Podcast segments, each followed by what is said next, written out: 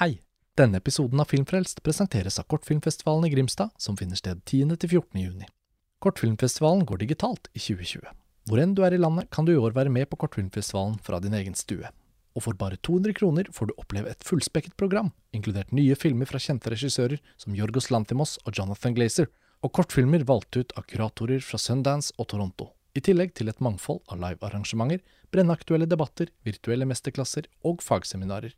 Følg med på kortfilmfestivalen.no og dyrk filmgleden sammen med oss 10.-14. juni.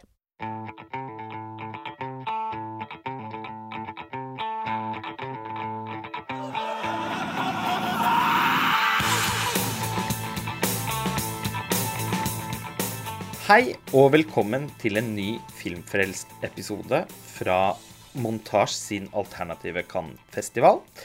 Mitt navn er Lars Ole Kristiansen, og jeg sitter her sammen med Cato Fossum. Hei, hei. Som er eh, ansatt i Kortfilmfestivalen i Grimstad, og som tidligere har vært eh, programsjef for Oslo Pix. Og ikke minst Chloé Faulkner, filmsjef i Filmklubbforbundet, og en sentral bidragsyter for Sett filmtidsskrift. Hei, Lars Ole. Det er hyggelig å være tilbake. Veldig gøy at eh, dere returnerer så raskt etter den strålende episoden dere lagde med Karsten om slow cinema i koronaens tid. Eh, slow cinema er, er, jo også noe vi skal sneie innom i dag. For eh, den første filmen fra det alternative kampprogrammet som vi skal snakke om, det er Pedro Costas Casa de Lava fra 1994. Pedro Costa er en portugisisk filmskaper som eh, er tungt anerkjent, eh, men som de aller fleste tross alt ikke har et veldig nært forhold til. Og Cato, du er jo ekspert på portugisisk film og har en helt spesiell interesse for Portugal. Du må nesten fortelle litt om det, og så også introdusere Pedro Costa litt for oss. Ja, jeg kan prøve. Jeg hadde gleden av å, å være redaktør for et uh, temanummer nettopp på uh, sett filmtidsskrift om portugisisk film. Uh, som selvfølgelig er utrolig bredt, og der man bare kan uh, måtte gi en introduksjon. Men uh, det var at jeg har eh, satt veldig pris på, på, portugisiske filmskapere, og at noen av de, som f.eks. Miguel Gomes, har vært med meg fra fra jeg, begynte å jobbe på fulltid med film. Og så bodde jeg i, i Portugal som, eh, en kort periode der som del av pappapermisjonen. og ble liksom for alvor bitt av basillen da. Ja. Eh, så, så, jeg har sett, sett, en god del, og har et, har et veldig nært forhold til Pedro Costa, egentlig. Eh, som du sa, han, han, er jo veldig tungt anerkjent, men ingen av filmene hans har vært på kino i Norge f.eks. Og, og vist kanskje en del i filmklubber, men lite utenfor det. Og egentlig syns jeg at uh, Casa de Lava, som, som, vi har sett, som dere har satt opp i uh, De gard, var ikke det det? Stemmer. Så det er en veldig fin introduksjon til Pedro Costa sin filmskaping, egentlig. Fordi han har laget, han laget en spillefilm før det og uh, har fortalt mye intervjuer og, uh, og bakommateriale på DVD-er og sånn om, uh, om, hvordan Casa de Lava både ble hans introduksjon til denne øygruppa, Kapp Verde, eller Capo Verde som det heter på portugisisk, hvor, hvor, filmen foregår. Og også på en måte en slags kamp, kamp med seg sjøl som filmskaper. Da. At han, han dro dit for å lage en, en remake av uh, Jacques Tourneur sin film 'I Walked With A Zombie'. Mm. Uh, ifølge ham sjøl litt sånn i, i, mangel på andre ideer. Uh, Sto litt fast i filmskaperkarrieren. Så dro han dit med et ganske stort filmcrew, begynner å lage en film og skjønner at han kanskje er nødt til å gjøre dette på en annen måte. Og det som er spennende med filmen, Jeg er veldig spent på å høre hva, hva dere syns om den. Jeg har sett den tidligere og hatt et gjensyn med den nå. men uh, det er kanskje ikke hans liksom, beste film, og heller kanskje ikke sånn helt vellykket som en helhet. Men det som skjer når han er på Kapp Verde, er at han både blir veldig kjent med folk i forskjellige eh, landsbyer. Det er jo tatt opp på en av øyene som heter Fogo. Og han blir eh, på slutten av, av opptaket en slags budbringer mellom lokalbefolkningen der og eh, migrantarbeidere fra Kapp Verde som bor i ulike steder i Portugal. Særlig da i, i liksom utkantstrøkene av, eh, av Lisboa, særlig en bydel som heter Fontanage. Og Der foregår hans fem neste filmer, som danner en sånn filmserie som gjerne blir kalt for Fontanage-serien, som han har blitt utrolig anerkjent for, og som er portretter av de marginaliserte eh, ja, gjestearbeiderne eller innvandrerne da, fra, fra Kapp Verde, som er en tidligere portugisisk koloni, og som skildrer ja, forskjellige gjennomgangsfigurer i det miljøet og, og, hva som skjer med de. Og Det er jo noe han har holdt på med fra midten på 90-tallet og helt fram til i dag. Hans siste film heter eh, 'Vitalina Varela', hadde premiere Eh, ja, det var vel i fjor, og har gått sin seiersgang på festivaler. og er på en måte litt sånn kulminasjonen av den serien. da. Og det finnes spor av det eh, også i, eh, i, Casa de Lava. Mm. Eh, jeg vet ikke om jeg skal liksom gi et, et, en veldig kort introduksjon av filmen. vil være å si at Den handler om en, eh, en arbeider som eh, kommer ut for en ulykke i Lisboa, havner i koma og blir fraktet tilbake til Kapp Verde av en sykepleier som skal på en måte ta seg av ham. Eh, og når de kommer dit, så viser det seg at ingen kjenner igjen eh, denne arbeideren, men alle kjenner igjen sykepleieren. Og hun skjønner at det er noe som er galt, og så fortsetter liksom handlingen etter det. Og, og filmen tar ganske mange spesielle vendinger. Jeg vet ikke hva dere fikk ut av eh, filmen. Det er spennende å høre det. Jeg tenkte en del på at filmen minnet meg litt om Claire Denis Eh, og, og, litt om Apichapong kull. ikke så mye, egentlig, om de eh, Jean-Marie Straub og Daniel Huillet-filmene jeg har sett. Selv om jeg vet at uh, de er en veldig viktig referanse for Pedro Costa og for denne filmen. Antydet, uh, har du antydet uh, før opptak, Cato? Så det er jeg spent på å høre mer om. Hva er dine Altså, hvilke inntrykk sitter du igjen med, Chloé? Ja, jeg, jeg satt og, og, så på de, disse liksom, landskapene med det altså, mørke vulkanske jord og de altså, nærbildene av sånn, menneskelige ansikter. og Det der er sånn, sånn fokus på en måte sånn, de som bor på den øya, som er sånn veldig sånn enkle kar. og så tenkte jeg litt på sånn Cinema Novo-bølgen fra Brasil på 60-tallet, som er veldig fokusert på liksom, å hente fram akkurat denne typen fortellingen fra litt sånn fattigere deler av liksom landlig befolkning sør Eller ja, i liksom, sånn landlig del av Brasil. Um, jeg fikk noen sånne assosiasjoner der. Men um, det var det, Jeg må jo si at det var en veldig sånn som jeg sa også innledningsvis uh, for dere, så veldig mystisk og utilgjengelig film for meg. da, sånn um, At uh, man følger handlingen på en måte et stykke på vei, og så på et eller annet tidspunkt så implodere dem på et vis. Eller den, det er som om den går i ulike retninger. da. Uh, og så sitter man der og så blir man liksom litt sånn usikker på hva, hva slags på en måte Ja, hva, hva er det jeg skal sitte igjen med uh, fra denne filmen. Så det var på en måte noen interessante paralleller mellom den unge sykepleieren som kommer til den øya, og en eldre fransk dame som spilte Edith Skobb. Eh, som, hvis jeg mm. husker riktig, også er hun som spiller i den Les yeux sur visage, uh, Eyes Without a Face. Ja, det stemmer. Det er, uh, det, det er jo det er litt morsomt at hun skulle være med. og for, uh, på en måte parallelle mellom de to, hva skal det bety? Og det er på en måte at, at han, han, bruker også dette liksom blikket utenfra da, på den lokale befolkningen. Trenger han egentlig å gjøre det? Ja, jeg syns det var litt Det var mange på en måte løse tråder da, som jeg klarte ikke helt å liksom ja, å løse for min del. Nei, eh, jeg var i samme situasjon, eh, Chloé. Jeg følte også at jeg hengte med en stund.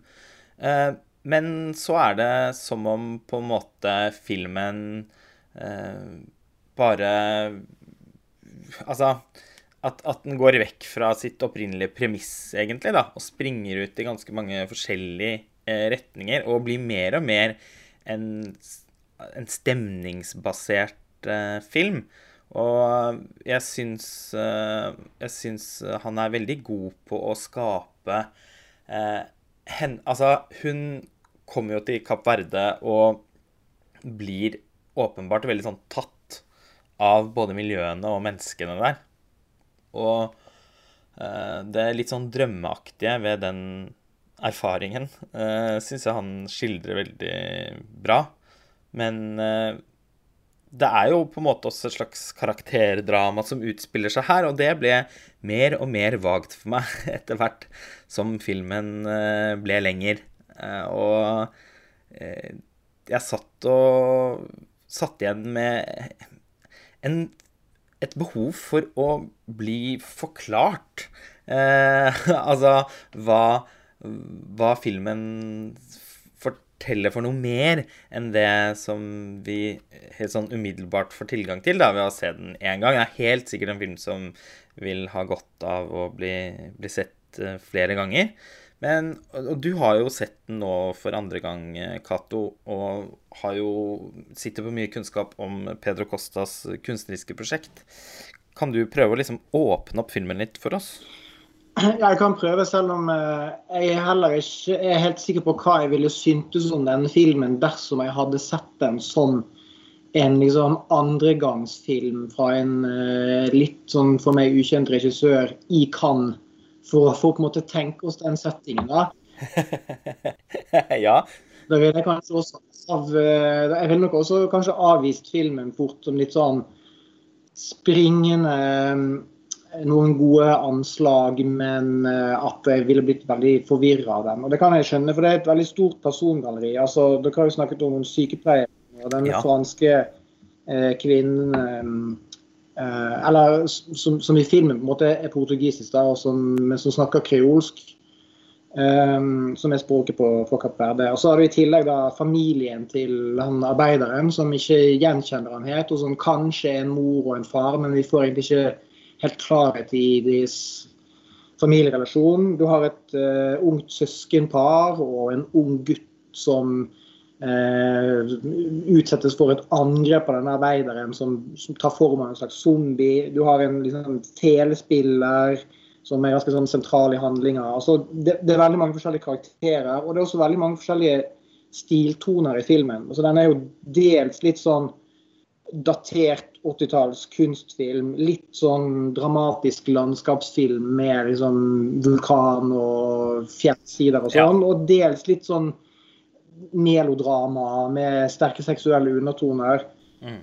Så den er veldig vanskelig å få grep på sånn formmessig også. Det, det som gir mening, er liksom å se den som en film som, liksom, som, går seg vill. da, Akkurat som hovedpersonen går seg vill, så går filmen seg vill. Og filmskaperen går også seg vill. At, han bevisst måtte prøve å bryte ned sin egen fortelling for å si noe om at liksom, det finnes ikke noen helhetlig, enhetlig fortelling om eh, om Kapp Verdeøyene som kan kondenseres ned til liksom, noe som har med zombier eller, eller søvngjengere eller utenforskap og innenforskap å gjøre.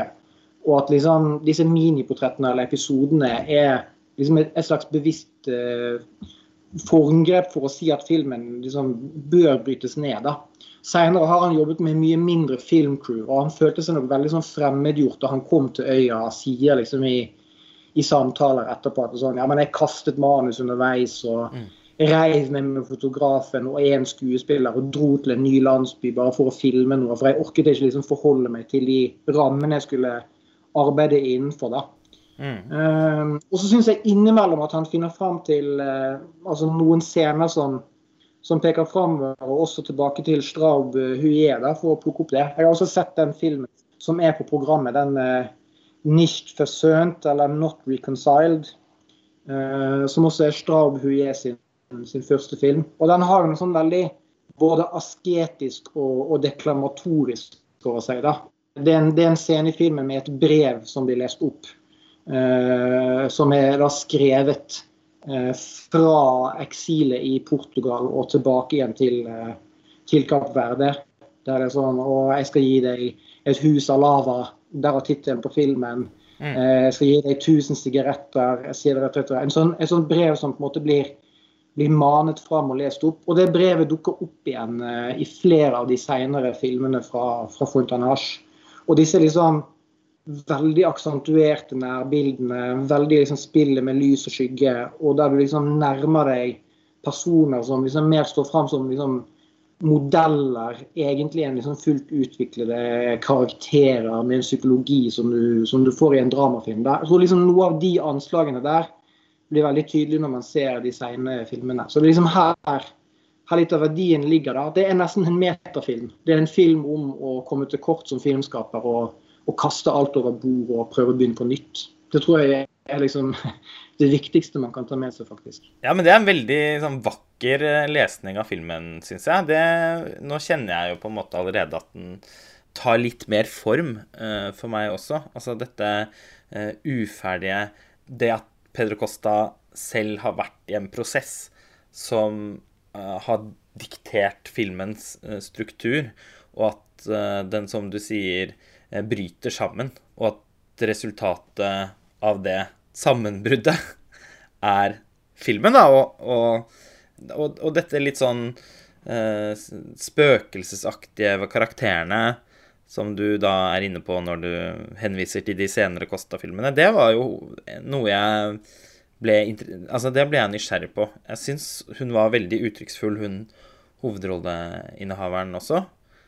Uh, hun spilte jo også da i denne I debutfilmen til Peter Costa, som jeg har sett, og som jeg ja. likte veldig godt. Den var for mm. meg mye altså mer umiddelbar enn en Casa de Lava. Men det handlet også om at den var så innmari eh, Altså sånn overveldende visuelt eh, vakker, da. Skutt i sort-hvitt. Eh, og tross alt eh, i en litt annen stil enn Casa de Lava. Ja, ja den uh, første filmen til Pedro Costa har jeg faktisk ikke sett. Det har jeg til gode. Den, uh, men den skiller seg veldig ut fra, fra, resten. Han har på en måte et helt annet uttrykk ja. uh, senere i, alle filmene sine. Ja, så det er jo nettopp derfor den Casa de Lava da på en måte er en mer vesentlig film i filmografien enn debuten. Fordi at den i mye større grad peker framover på det som har blitt hans Ja, hans kunstneriske prosjekt. Ja, også det her med tema. Altså sånn Altså, føl, altså det med å, å, nå fram til noe som er levd og erfart og ekte, og, og å på en måte representere uh, de andre på en måte da, på film. For, altså Innad i Portugal er jo uh, Kapp Verde ansett nærmest som altså De er innvandrere, selv om de også hører på en måte til og er, er fullverdige borgere i og med at det har vært en koloni. da. Så liksom det politiske spennet der og, og, og, for, og, det prosjektet med å representere de på film og eh, det har blitt helt annerledes senere. Han, han, jobber jo nå med å skrive manus sammen med hovedpersonene sine. og Bruker jo gjerne fem år på å lage hver film. Så det er liksom, eh, Han har jo lykkes da, sånn sett i å bryte mm. med den etablerte filmen som, eh, som Casa de Lara kanskje representerer mer. Mm. Eh, Chloé, du og jeg har sett 'Farvel, min konkubine' til Cheng Cage. En uh, film jeg uh, har, har, planlagt å se i over 15 år, tror jeg. Uh, av en eller annen grunn så ble det først nå. Det kan jo ha noe med spilletiden å gjøre. Den er nesten tre timer lang. Men på papiret så er jo dette her et, en, en, film som i hvert fall appellerer veldig til, til meg. Både premisset for uh, fortellingen og uh, det estetiske universet som, uh, som filmen utspiller seg i. Og kinesisk film det har jo aldri vært like stort uh, i Vesten som uh, japansk film. Men uh, nettopp Chen Cage og Shang Yimou hadde jo noen Altså, de sto bak noen blockbustere som, som tross alt sørget for å, å kaste mer lys over kinesisk film, på, særlig på, på 90- og begynnelsen av 2000-tallet. Og 'Farvel min konkubine' var jo da en enorm eh, suksess. Ikke bare mm, tungt eh, kritikerrost, eh, vinner av Gullpalmen, Oscar-nominert for beste foto, men også en, altså, en virkelig populær film. En, en publikums uh, uh, Ja, en kioskvelter, på en måte. Med hvilke forventninger var det du uh, møtte filmen, Chloé? Ja, tittelen 'Farvel, min konkubine' er på en måte noe som har svevet litt rundt i underbevisstheten min veldig lenge. Jeg tror liksom kanskje den, Fordi den var så populær og, og kjent uh, på 90-tallet, uh, eh, så er det på en måte noe som er festet på en måte i, i hinnen et eller annet sted. Og så det, det er noe så, så veldig sånn romantisk klingende ved det. Ja. Uh, så utover det så har jeg egentlig liksom ikke, ikke visst så veldig mye om den filmen før jeg omsider begynte å lese meg litt opp om, uh, om kinesisk film. da. Ja. Uh, og så det er jo Altså, jeg, jeg, jeg sier Chen Kai-ge, jeg vet ikke om det blir feil. Nei, det, Men, det ikke spør meg. Jeg bare gjetter. Greit. Vi får si hver vår. Um, det er jo liksom, kanskje med den filmen da, som du sa, at han uh, først på en måte ble kjent, eller kinesisk film på en måte ble kanskje litt satt på kartet. og at veldig sånn uh, film i filmverden, eller sånn Altså en, en gullpalme. det man kommer ikke unna at, at, filmen blir vist i, i hele verden. Og uh, Det er kanskje den eneste kinesiske filmen som har vunnet den, så, så tror jeg. Ja, det tror jeg. Uh, så, sånn, så sånn sett så er det noe veldig spesielt. Um, og det Han er jo en av disse fra den såkalte sånn, femte generasjon kinesiske filmskapere. Uh, som da var uteksaminert av uh, filmskolen i Beijing på slutten av 70-tallet, begynnelsen av 80-tallet som er da kjent for å ha liksom brutt litt med den forrige eh, estetikken som var sånn rådende under kommunisttiden. som er sånn, Det finnes så mange forskjellige typer for sånn realisme, med sånn sosialrealisme eller sånn didaktisk sosialrealisme og sånt. Uh, og den generasjonen som, som de sier, som Chen Kai-ge og Sang Ji-mo, de uh, lager film der som heller kanskje er litt mer sånn estetisert, som legger veldig vekt på sånn landskap og farge, og liksom veldig sånn symboltunge verker. da.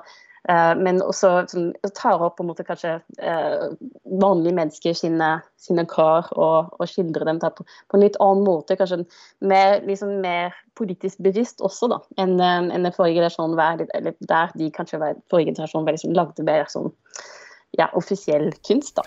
Så, ja. og Det er også en, en, en, sånn problemstilling som løftes i filmen, da, som er liksom veldig interessant å Uh, med det, sånn, det er jo det er en historie om uh, Det er et vennskap mellom to artister som driver med kinesisk opera. Og den fortellingen i filmen den streker seg fra mellomkrigstiden, eller 40-tallet hvert fall, tror jeg, til frem til 70-tallet. Og så er det disse to vennene der, så den ene blir liksom fra starten litt pekt ut som et litt sånn annerledes barn. Uh, på grunn av, uh, han har sånn litt spinkel og har litt sånn feminine trekk. Og han spiller da en kvinnelig figur, altså konkubinen, i et opera som heter 'Farvel, min konkubina'. Og den andre hovedpersonen i filmen, uh, det er da bestevennen. Um, han er litt, kanskje litt mer sånn konvensjonell mannlig og spiller kongen i samme stykke. Um, så de, disse to da, de går fra å være fattige foreldreløse barn til å bli operastjerner ved å spille dette stykket 'Farvel, min konkubine' om igjen og om igjen. Det er sånn, det er bare det de spiller hele, ja. hele sitt liv omtrent. Det er sånn, det finnes ikke noen, ingen andre opera. Nei, det er den. Altså. Uh, og det som skjer, er at de, de går fra å være stjerner uh, til å bli sånn, ofre for de ulike politiske og ideologiske omveltningene uh, i Kina. Det begynner med den japanske invasjonen. Der går det ikke så veldig bra, men de kler seg. Og så stiftingen av Folkerepublikken, og så den kulturelle revolusjonen der alt som har noe å gjøre med kultur, blir selvfølgelig veldig dårlig sett. da. Altså, jeg, jeg, så filmen egentlig sånn todelt. Jeg begynte på det, og så tok jeg en pause, og så så jeg resten etterpå. Og det, Jeg oppfattet egentlig starten som en historie om vennskap. da, om på en måte mellom disse to. Mm. Og den høye prisen som den ene, særlig den ene gutten, da, som blir sånn fra starten sånn utpekt som uh, stakkars liten ofre liksom den, den, homofile gutten da, som, som alle uh, på en måte ja, er veldig glad i å, å torturere og uh, ja, som på en måte må lide for det, den personen han er. Men han lider også sånn for å være kunstner. Da. Um, og altså, tenkte det var liksom kanskje den, noen den høye prisen som skal betales for å sånn, oppnå å kunne bli en veldig stor operastjerne og kunne begå den kunsten. Og så ga det over kanskje til å bli litt mer sånn en film som handler også om det å lage kunst da, i mm. forskjellig politiske kontekst. Og hvordan det samme stykket kan måtes på så utrolig forskjellig måte. da, um, Avhengig av den rådende definisjonen av hva akseptabel kunst bør og kan være. Um, så det, det, som er litt uh, interessant, da, det er sånn filmen slutter på 70-tallet, og den er lagd på 90-tallet, begynnelsen av 90-tallet. Liksom, hvordan ville 'Farvel, min konkubine' som opera blitt mottatt av et publikum i Kina på 90-tallet da den ble lagd. Og hvordan ville den hvordan, Man kan forestille seg på en måte det publikummet nå i dag også. Uh, i Kina, som tross alt Det er fortsatt et kommunistisk land, men, og som også er liksom preget av sensur. Men det er også veldig sånn kapitalistisk og liksom preget av markedsliberalisme. Så på en måte sånn hvordan den ideologiske konteksten endrer seg med tid. Da syns jeg var en sånn veldig fin ting som filmen tok opp. da. Ja, øh, altså Man kunne jo egentlig fortsatt å tilføye kapitler her for hvert eneste tiår. Vi kan jo ringe HBO og mm. lure på og spørre om de har lyst til å lage en TV-serieversjon som utvider Farvel min konkubine-konseptet. Ja. Uh, og så var det veldig mye forferdelig musikk i filmen også. Ja, uff. Jeg, jeg fikk så veldig vondt i hodet etter hvert. fordi det, det var eh, altså til Kato, det var eh, det er kinesisk opera, og da er det veldig mye sånn perkusjon. Og ja, sånn, veldig mye perkusjon! Og veldig sånn skjærende, sånn lyse, litt sånn, sånn pling-lyder. Og i tillegg til at den, de synger også veldig, veldig lyst. Ja, altså, det var som en sånn syl inn i øret. Uh, men jeg er helt, helt, enig i det du sier om at filmen begynner som noe ganske annet enn det den ender opp som. Og jeg er veldig delt i hva jeg syns om hvordan det fungerte. Fordi den første halvdelen av filmen var egentlig sånn skuffende konvensjonell, uh, og ikke så Ikke så eh, stilistisk interessant som jeg kanskje hadde forestilt meg. Til gjengjeld så var det engasjerende, eh, og det er noe med eh, sånne skildringer av eh, Ja, her er det jo da eh, operaen som trener opp eh, skuespillerne sine fra de er forlatte barn.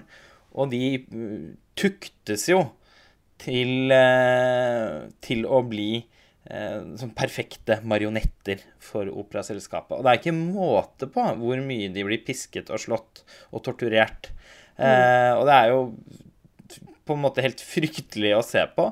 Samtidig som filmen også eh, Den mesker seg i det på en måte som tross alt eh, har litt sånn glimt i øyet. Altså eh, den, den balanserer liksom på, på en knifsegg her, da, men eh, når repetisjonen av eh, mørbankingen er så insisterende, så evner liksom også filmen bare å vise det absurde ved en sånn type underkastelse. Da. Og hvor, vi ser jo også hvordan de på en måte da blir ja, hjernevasket, eh, og etter hvert eh, er avhengig av straffen. Det har skrevet seg sånn inn i kroppene deres at eh, hvis man mm. gjør en feil, så er man nødt til å motta et slag, eller 100 slag. Eh, at, eh, ja. og, og, og, hele den der prosessen der, og samholdet, men også fiendskapet mellom de forskjellige guttene og sånn, det var, eh, det var eh, engasjerende og underholdende. Og så blir jo filmen, som du sier, mer av en sånn historietime. Og selv om det er eh, helt klart da er interessant å, å se hvordan dette stykket 'Farvel min konkubine' fungerer og blir mottatt i de forskjellige politiske kontekstene. Det er jo helt utrolig hvor, hvor mye som skjer med Kina i de årene her. Vi ser jo eh, noe av det samme fremstilt i Bernardo Bertolucci sin Oscar-vinner, 'Den siste keiseren', eh, eh, som jeg syns er et mesterverk. og eh, på et helt annet kunstnerisk nivå enn denne filmen. Fordi eh, summen er nok da, tross alt, at jeg endte opp med å bli ganske underveldet. Jeg syns filmen var med Jeg syns den er morsommere å tenke på og snakke om enn den er å se. Og eh, jeg, jeg syns den eh, slet med å finne et, et, et tempo, eh, en rytme i fortellingen, som eh, som den, som den var avhengig av for å fungere optimalt for meg. Jeg syns det Det er jo ikke en spesielt uh, subtil film, men mm. på samme tid så er den også litt underfortalt. Altså det er noen sånne karakterrelasjoner sånn som jeg følte Den bygger opp eh, konflikter som vi aldri får se. Vi føler jo etter hvert ganske sterkt for flere av personene, men jeg vet ikke. Ja, jeg, jeg, er egentlig jeg er ganske enig. Altså, på, på, en måte så er det vanskelig å ta den filmen på noe som helst, fordi den er utrolig vakkert fotografert og iscenesatt. Uh, den har veldig gode skuespillerprestasjoner. Altså det hele det, liksom det episke og sånn flotte kostymer og liksom hele kostymedramaet fra dimensjonen.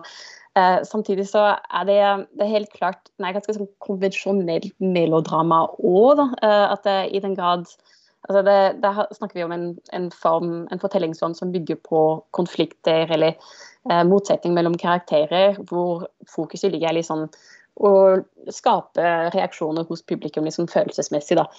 Og den, den, røde følelsesmessige tråden som går gjennom hele filmen her, det er knyttet til hovedpersonen, han, han homofile gutten, eller det blir aldri eksplisitt sagt, da.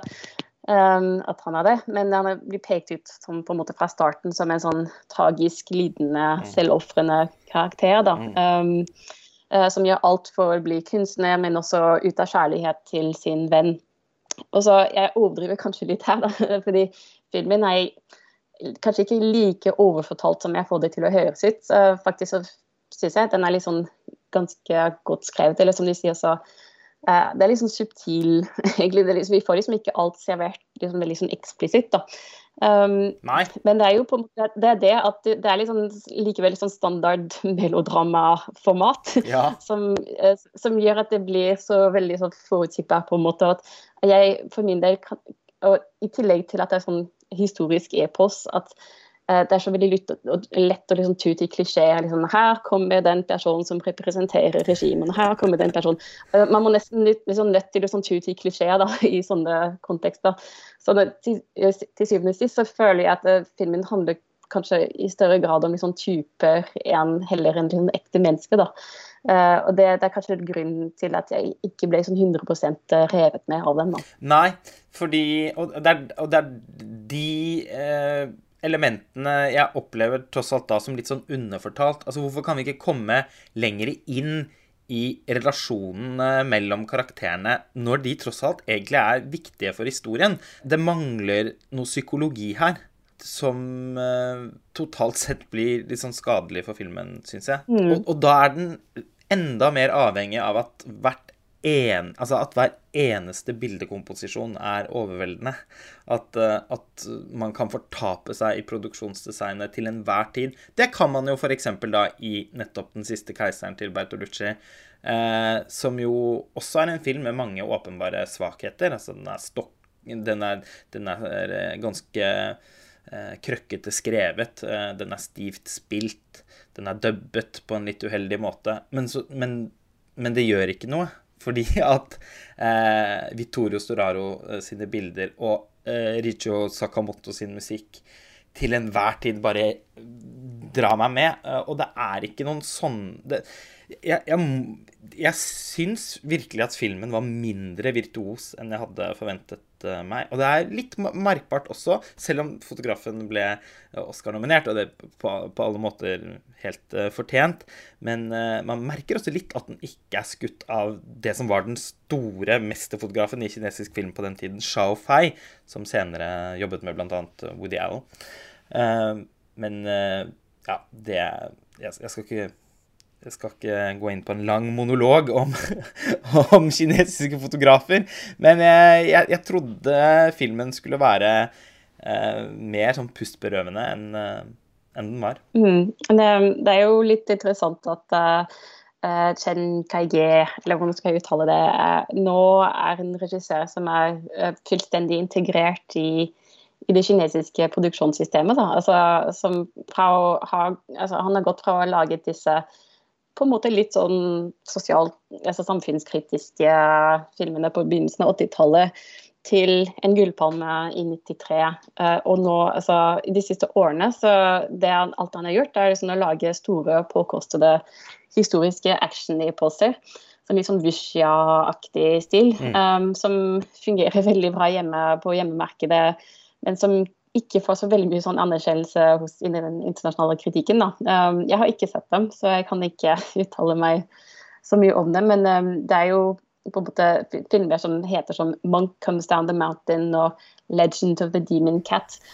Uh, så det er jo en regissør som ja, nå på en måte er kanskje blitt mer på en måte en del av det han var med på liksom, å kritisere før. Da. Ja, det samme har jo skjedd med Zhang Yimou.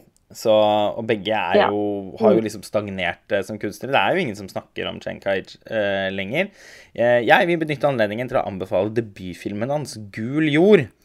Eh, mm. Den eh, er dessverre ikke å få tak i, eh, i på verken DVD eller Blu-ray, men den fins på YouTube i en i altfor dårlig kvalitet, men det er faktisk den eneste måten å se filmen på. Og der syns jeg han på en helt annen måte lykkes med å uh, både ha et politisk budskap og, og, si noe om kinesisk eh, kultur og kinesisk historie. Og også på en måte da uh, sjonglere en fortelling som uh, til å begynne med virker Altså er veldig sånn dempet. Men som sakte, men sikkert egentlig også svulmer opp til å bli et lite melodrama Eh, og som blir eh, hjerteskjærende. Eh, det er en helt strålende film som jeg likte bedre enn 'Farvel, min konkubine'. Ja, og så faktisk så har den en del fellestrekk med 'Casa de Lava'. Så det er jo mennesker som på en måte vandres i sånne karrige fjellandskap og ja, som er fokus på, på de, de altså, veldig enkle og liksom, de ritualene og tradisjonene fra et litt sånn konkret sted. Litt sånn litt morsom parallell der. Ja, helt klart. Cato, uh, du har sett en film fra Burkina Faso av Idrissa ja. Odrogo, uh, som heter Tilai, og som er en av de to mest kjente filmene han har laget. Den andre er Jaba. Og Cannes-festivalen har jo historisk sett vist nokså mye afrikansk eh, film. I alle fall målt opp mot uh, eh, f.eks. filmfestivalen i Venezia. Og uh, selv om Odraogo er et stort navn, så er filmene hans litt vanskelig å få tak i. Men eh, også her er det sånn at noen av de ligger på YouTube eh, i en kvalitet som i hvert fall er mulig å, å se. Cato, fortell oss litt om Jeg vet at du har sett Du så Tilai, og så har du også sett eh, deler av Jaba. Ja, for å ta det som festivalkontekst, så kan vi si at jeg måtte gå fra den filmen for å, ja. for å gjøre noe annet. Nettopp. Det var et viktig møte. Et viktig møte.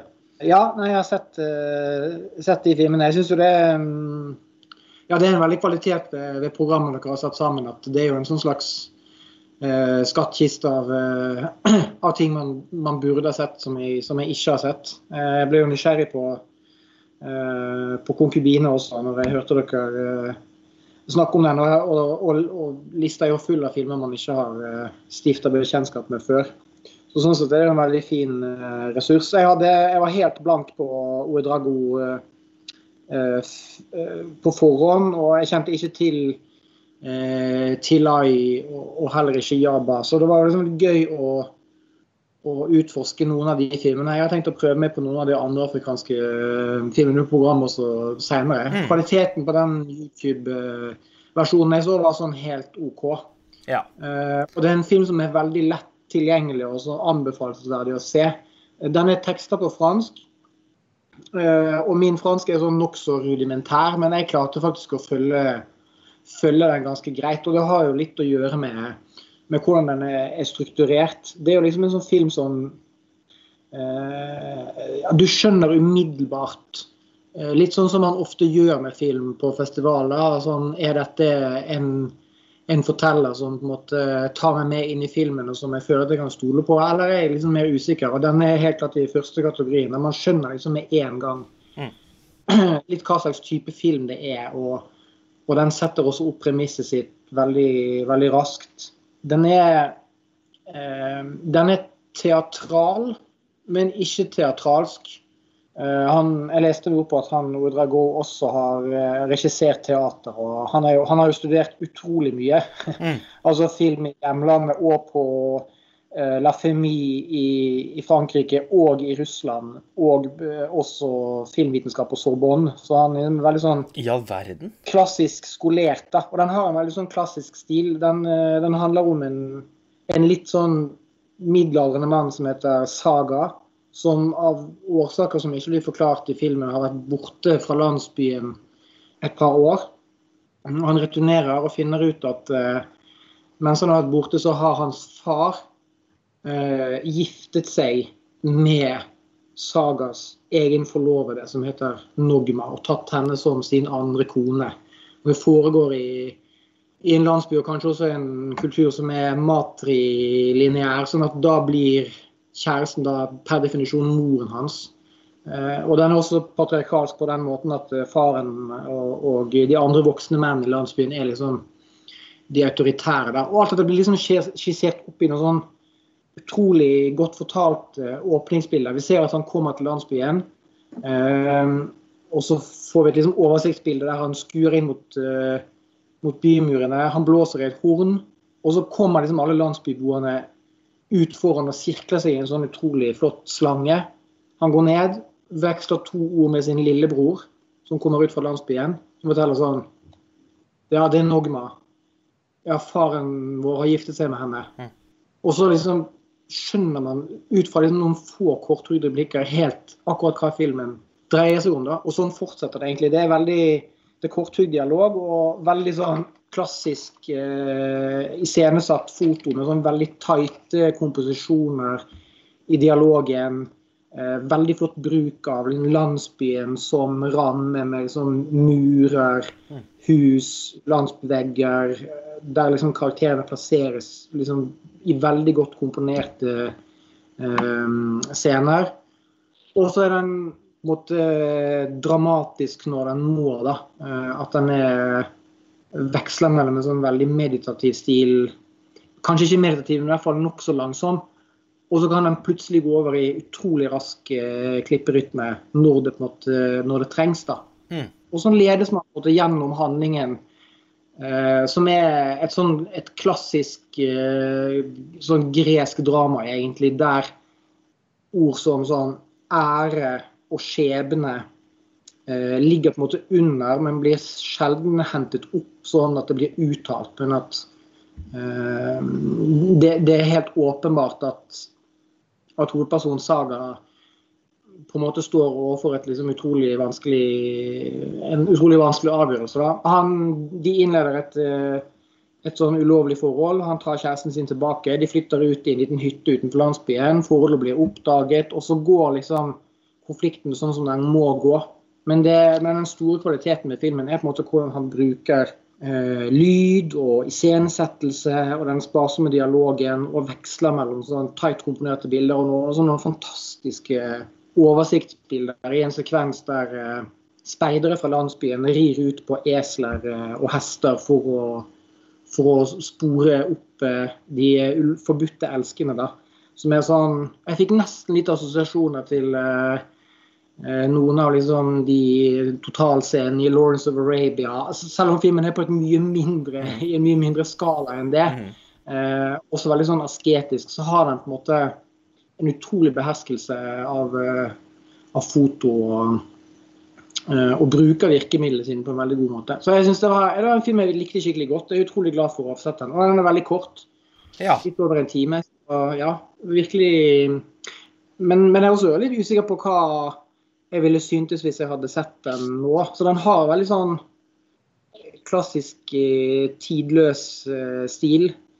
Men den faller heller ikke inn i den der Eh, ja, sånn der overspenningen i sånne æresdramaer, som ikke er min favorittsjanger når det gjelder film. altså Sånn der, ja, ære og familieforhold, og der, der man prøver å nærme seg kultur og si det sånn, Her er mekanismene som fungerer i denne kulturen. Mm. Se så undertrykte kvinner. Her jobber de liksom, liksom, ut av det.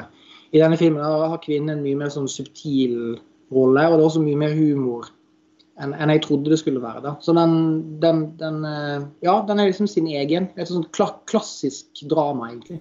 Altså, dette selger du godt godt inn, Cato. Jeg får ekstremt lyst til å, å se den, og blir jo nysgjerrig på Odraogo som, som regissør, da.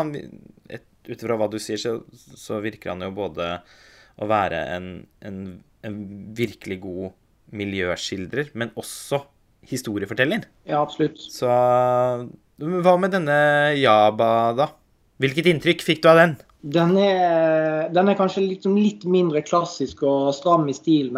Uh, den Tilai har på en måte den har kamera på stativ og stort sett veldig statisk. Jabra føles liksom litt mer dynamisk og kanskje litt mer naturalistisk spillestil. Men den har liksom mye av den samme tiltaleformen og også flere av de samme skuespillerne da, eh, som han bruker i flere filmer. Jeg tror han brukte ganske mye amatører og, eller ikke erfarne skuespillere.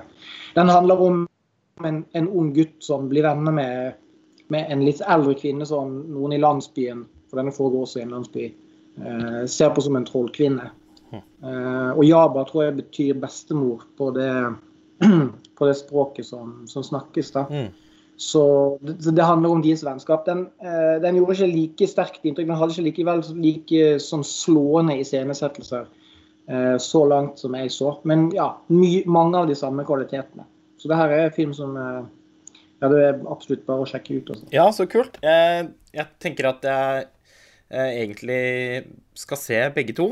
Eh, fordi Jaba har stått, vært på blokka en stund pga. denne omfattende kåringen vår av 1980-tallets beste filmer, som, som snart ja, ja. er ferdig. så her var det mulighet for litt sånn multitasking. Uh, så den, uh, den, har jeg planlagt å se, men, men også da denne Tilai, som jeg jo tross alt etter din gjennomgang blir enda mer nysgjerrig på. Og den vant jo da Grand Prix eh, i 1990. Og en annen film som vant Grand Prix i Cannes, og som du har sett, Chloé, det er Pier Paolo Pasolinis 'Tusen og en natt', eller 'Il fiore della mille e una notte'. Nydelig italiensk, Lars Ole. Ja. Takk. Filmen er jo da en del av den såkalte Livets trilogi. Har du sett uh, de andre filmene i trilogien? Uh, nå må jeg eh, innrømme at uh, 'Tusen og en natt' er den eneste av den trilogien som jeg har sett. Og det er den, den siste. Ja. Så hører jeg at den også kanskje er den beste, men Ja, det tror jeg de aller fleste er enige om. Mm. Um, sånn at uh, ja, det um, er jo Jeg får uh, påta meg uh, denne oppgaven av å ta være den som har sett den Pasolini-filmen eh, for denne podkasten. Um, det er jo ganske stort å se en Pasolini-film for meg som jeg ikke har sett før. da. Uh, og dette er da hans adaptasjon av den berømte historiesamlingen 'Tusen og en natt'. Um, og den trilogien som en del av heter 'Livets trilogi'. da. Den inkluderer da Decameron, hvis jeg uttaler det riktig mm. på norsk, og The Canterbury Tales. Uh, så i den filmen 'Tusen og en natt' fra 74. Um, her, uh, vi har jo da en rekke eventyr um, som vi kjenner dette fra altså Det er sånn historiesyklus fra middelalderen um, med kjærlighet og bedrag og magi og ganske mye sex, egentlig. Uh, fortalt uh, i filmen da, av filmens karakterer. Så man kan si at sånn, filmen egentlig har en sånn litt komplisert struktur. fordi Den starter med en sånn slags sånn rammefortelling og så inni den så har vi da uh, flere andre fortellinger som settes i gang, og så sidespor. Og så et sidespor leder til neste sidespor. Og en uh, figur kan være en hovedperson i en fortelling, men være som bifigur i en annen, da. Mm. Um, men det som er fint, det er at um, alt henger sammen. Og på en måte sånn, Hver historie blir som en liten sånn skuff som blir åpnet, og så blir den også lukket igjen etterpå. Og til slutt så sirkler filmen tilbake til der den startet. Og um, det, det, vi ikke finner, da, det er den rammefortellingen om Sherazad, som er på en måte det vi er vant med, liksom med at uh, sånn, en kvinne som forteller historier for å unngå å bli henrettet av en konge. Det, den blir helt borte i uh, Pasolinis versjon. Uh, så det han har gjort, vi snakker sånn, han har gått ut ifra hukommelsen, altså minnet som han hadde fra disse historiene som barn, og tatt det som utgangspunkt. og så har han lest teksten på nytt og hentet fram de fortellingene som man mente var liksom de mest poetiske og de, de, de mest vakre. Da. Uh, så det, vi får veldig mange forskjellige historier. Da. Så alt fra sånn en, uh, Det starter med en unge og vakker pike som blir solgt som slave. Mm. Uh, men det som er spesielt, er at hun får mulighet til å bestemme selv over hvem hun skal bli kjøpt av. Mm. Så hun velger selv en pen ung gutt, og så blir det lykkelig forelsket. Uh, men det går ikke så bra, fordi en av de forsmådde kjøperne kidnapper henne. Og så settes på en måte en sånn historie i gang der uh, slavejenta på en måte har noen eventyr, og så har gutten også noen andre eventyr. Og så på veien så møter de andre som begynner å fortelle andre historier, osv. Så, så det er veldig mye Det som kanskje er det, det, er veldig mye sånn snarrådig, uh, lure kvinner. Det er veldig mye sånn uh, litt uh, naive, uh, distré menn. Um, det er ja, en konkurranse mellom en konge og en dronning som skal avgjøre hvilket kjønn er vakrest. en poet som driver og plukker opp unge, pene menn og tar dem med seg tilbake i teltet for å på en måte ha det gøy sammen. Dette høres ut som en Pasolini-film. Ja. Det det er en mann som uh, har en, altså, treffer elskerhyden sin med en sånn Dette er faktisk på plakaten til filmen, så man kan se det. Uh, han, han, har sånn pil og bue, og pilen er liksom utformet som en penis. Og så uh, treffer han henne da med denne pilen. Um, ja, det går helt fint. Men um, så var det et veldig stort spektrum av sånn karakterhistorie, veldig sånn uventede vendinger. sånn det, hvis jeg skal prøve å liksom oppsummere hva jeg liker liksom med den formen, da, det, det, er veldig sånn forfriskende enkelt. Mm. Uh, sånn, det er sånn eventyrlogikk med det. at sånn Pasolini prøver ikke å oppdatere historiene. Han prøver ikke liksom å gjøre dem mer liksom logiske eller liksom forståelige for vår tid ved å liksom legge inn noe sånn staffasje på en måte sånn forklare handlingen som skjer. Han, liksom, han følger på en måte teksten jeg har ikke lest uh, 'Choosing or Not', men det, det, har vært veldig føles som man følger som denne eventyr, eventyrlogikken ganske tett. Den, det går veldig fort på en måte fra én historie til den neste. Og det, det er kanskje litt sånn absurd hopp liksom av og til. Um, vi får ikke så veldig mye sånn eksposisjon, lite karakterpsykologi eller analyse av liksom deres intensjoner og følelser. Det vi får, det er en rekke figurer som har en hovedmotivasjon. Og det er som regel å ha sex med en annen person. Mm. og det er det som driver dem fram, da. Um, og det, det syns jeg er liksom egentlig sånn veldig uh, Det er sånn denne arkaiske eventyrlogikken som er liksom veldig forfriskende, da. Og hvis, det passer veldig inn i sånn Pasolinis prosjekt, at vi skal prøve det sånn å uh, utvide det, liksom ta det til, uh, ja, um, til hans øvrige produksjon, da. Um, det er, liksom, det er noe veldig kristent på en måte ved Pasolini. Jeg vet at han var kommunist, mm. så det er litt sånn, kanskje litt uh, rart å si det. Men han er veldig flink til å forene to dimensjoner. Det, det, vil si På den ene siden er liksom noe sakralt og mytisk. En idé om at det finnes noe høyere enn oss selv. Uh, og på den andre siden den, den veldig sånn konkrete opplevelsen av å være et menneske, en kropp i en verden med behov, begjær og lidelse. da. Og Det kommer veldig tydelig frem i hans tidlige filmer, f.eks. Eh, 'Mamma Homma' og 'Akatone', mm. som er neorealistiske i stilen, men uh, som også forhøyer disse veldig sånn, vanlige figurene. da. Uh, gir dem en nesten litt sånn sakral, sånn hellig dimensjon. Det syns jeg er så nydelig med, med hans filmer. da. Det, det, det sakrale det er en slags sånn sekulær kristendom. på en måte. Det sakrale mm. fins i det menneskelige. da. Mm. Um, og, det 'Tusen og en natt' blir en slags fortsettelse av det prosjektet. Men det, der det kristne, kulturelle sånn bakteppet blir helt borte. og det som blir igjen, da, det er, slags, det, er det, det der den interessen for det menneskelige i en sånn mytisk kontekst. da. Og den har en veldig sånn naturalistisk estetikk.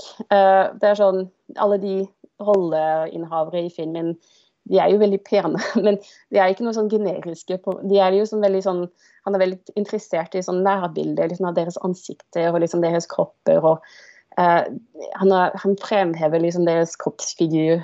Uh, er, de, de fremstår som veldig sånn ekte og menneskelige. Da. Og det samme med stedene, som selv om det er kanskje litt sånn merkelig at han hopper frem og tilbake fra liksom mellom Iran og Eritrea. og og Jemen og ja, og alt på skal jeg innlemmes et slags sånn generisk orient. Det, mm. det, kan man liksom på en måte kritisere.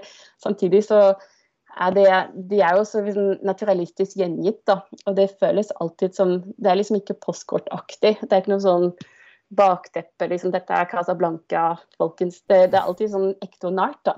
Um, så det er, liksom, det er Pasolinis idealiserte visjon da, som vi har snakket om. Det er sånn eventyrverden. Uh, altså filmet på en naturalistisk måte, men bebodd av konkrete, pustende kropper med behov og begjær. Da. Og det er ikke minst seksualitet og erotikk, da, om enten den er sånn hetero eller homofil. Det er ikke skambelagt, men derimot noe som gir veldig mye sånn glede, da. Mm. Um, og som er åpent ute i verden. Så fantastisk eh, du snakker om Pasolini, Chloé. Jeg blir virkelig imponert. Eh, jeg kjenner at eh, min begeistring for Pasolini piskes opp igjen. og 'Tusen natt' er en av de filmene jeg har gledet meg aller mest til å se. og ja, det skal skje veldig snart. Jeg har bare sett en Canterbury Tales fra, fra før av. Og dette prosjektet her, som da tross alt fokuserer på en måte på de erotiske folkeeventyrene, har jo en slags portugisisk ekvivalent, uh, Cato? Uh, ja, Miguel Gomes uh, laget jo ja, brukte egentlig den samme rammefortellingen da, med Sherazad i den Arabian Nights, som jo var i Cannes i Directors Fortnight. Det var jo tre, tre filmer i én som var altfor lang til å kunne bli tatt ut i hovedkonkurransen. Um, og som jeg husker flere beskrev som liksom aggressivt kjedelig i perioden. Det liker jeg liker veldig godt, men ut ifra det du sier, Chloé, så høres det ut som det er noen likheter. altså det her med Både de liksom burleske påfunnene og at man bruker strukturen til å fortelle mange forskjellige slags historier. Og også denne her, det opphøyde i det hverdagslige. da, er jo noe jeg syns jeg kan kjenne ganske godt igjen i i Gourmet-filmen. Og det er veldig fine, fine karakterportretter og veldig fine stedsskildringer der også. Men der er jo rammefortellingen med Sherazad mye mer til stede. I hvert fall som et slags tekstelement i bildet. Mm. Mens, mens, handlingen er jo helt løsrevet fra, fra det opprinnelige forelegget og foregår jo i, i, i liksom, ja, Portugal under finanskrisa. da. Men hvordan uh, Har du sett de filmene, Chloé? Kan du liksom sammenligne de? Har de, har de noe til felles? I uh, jeg, jeg føler at uh, det de kanskje har til felles, er den um, naturalistiske estetikken. At sånn Gomez er um, han er ganske nærme Pasolini i hans uh, framstilling. Sånn, uh, måter han sånn, filmer sånn lokasjoner og steder. Uh, at det, liksom, det, å blande på en måte det veldig sånn uh, kontemporære og sånn hverdagslige og liksom Dette er liksom steder som altså I Gomez sin trilogi så filmer han steder i Portugal post uh, finanskrisa og, og, mennesker der. Og samtidig så er det disse litt sånn litt uh, mytiske elementer som blandes inn. da, um, som er uh, Ja, så det er liksom, kanskje det, det, det, den interessen, den kombinasjonen på det mytiske og det naturalistiske. Mm. Um, jeg føler at Gourmet kanskje er litt grann mer interessert i å framheve ja, det sosiale og det politiske da, i det han skildrer. Det er kanskje litt mer som at er litt mer politiske konnotasjoner enn Pasolini. Hvis, altså, hvis Pasolini er åpenbart en veldig politisk filmskaper, men hans um, kommentar på en måte føles altså, på en måte foregår på et litt annet nivå, vil jeg si. Ja. Og det er også mye mindre erotikk i den Gourmet-filmen, og det som er, er veldig sånn plumpt. ja. Jeg husker veldig godt hvem som omtalte den som aggressivt kjedelig. Det var Aksel Kielland. Og da, det var i forbindelse med at han skrev om den siste filmen i trilogien, den som var, også var aggressivt ornitologisk.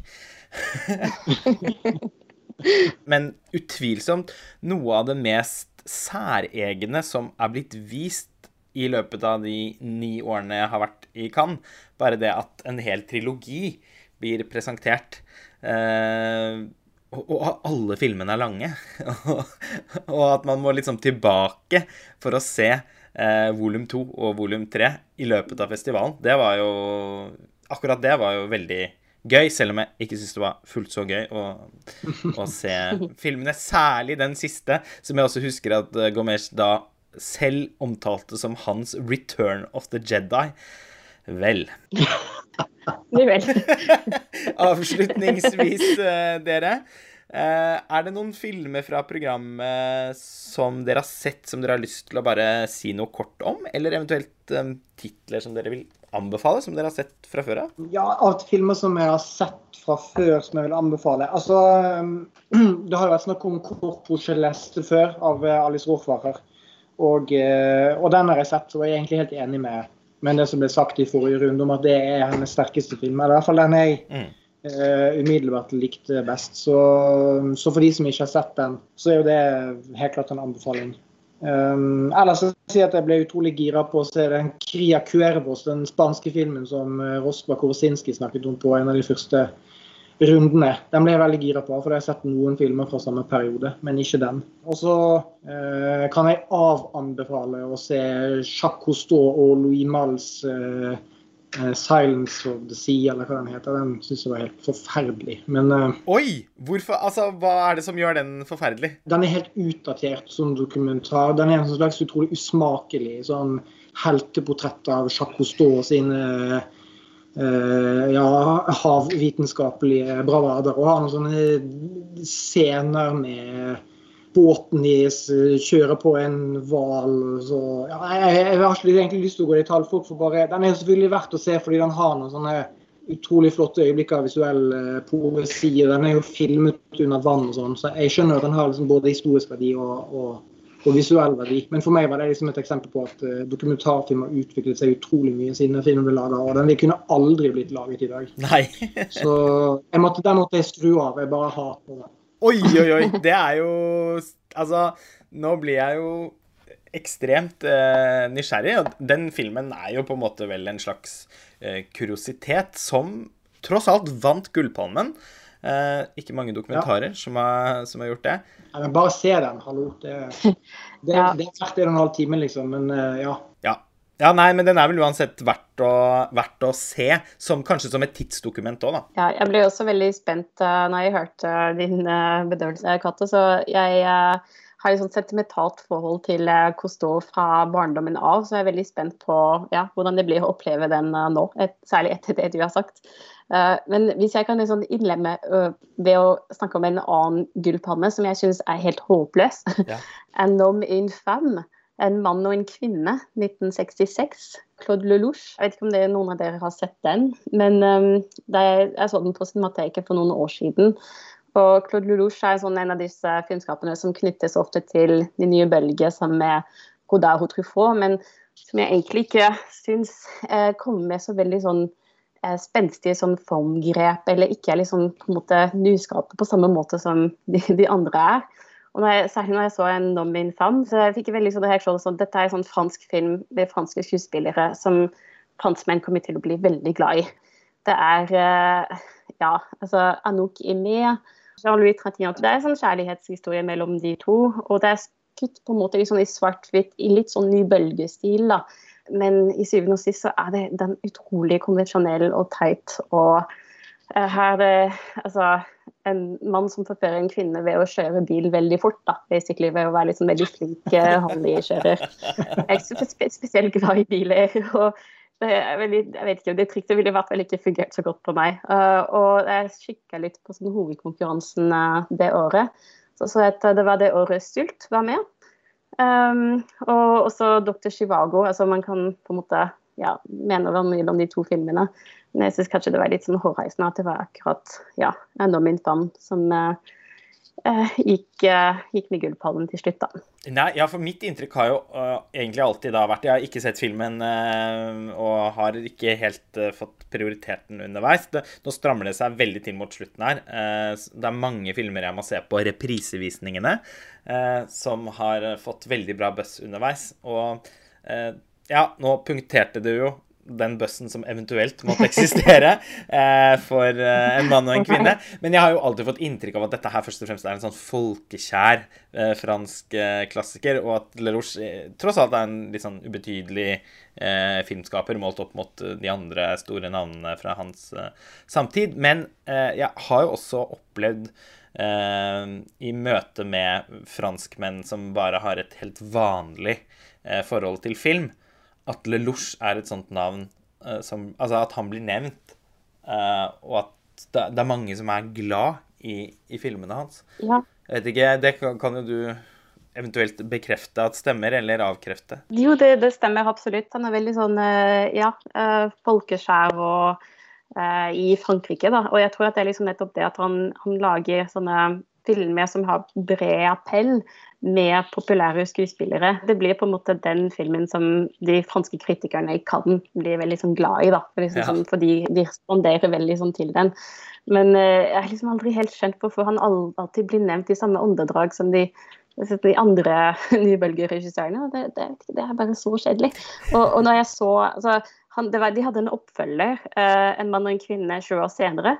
Uh, som kom i 86. Ja. Uh, og så hadde de i fjor i Cannes, det var en av de filmene som jeg visste jeg ikke skulle se, var 'The Best Years of a Life' som er da 40-årsoppdateringen av den kjærlighetshistorien uh, mellom Anouk Aimé og Jean-Louis Trantignan. Fortsatt regissert av Claude Lelouch? Absolutt, ja.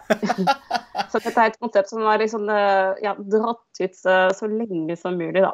dette her uh, var vel ikke noen konkurranse, det må ha vært i markedet, dette her? Det var kanskje sånn spesialvisning eller Ja, men ikke på markedet.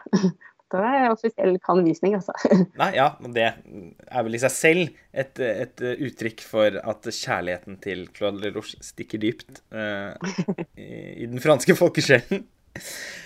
Uh, tusen takk for at eh, dere delte alternative kan-opplevelser i denne episoden. En fryd å ha dere som gjester på Filmfrelst. Jo, tusen takk.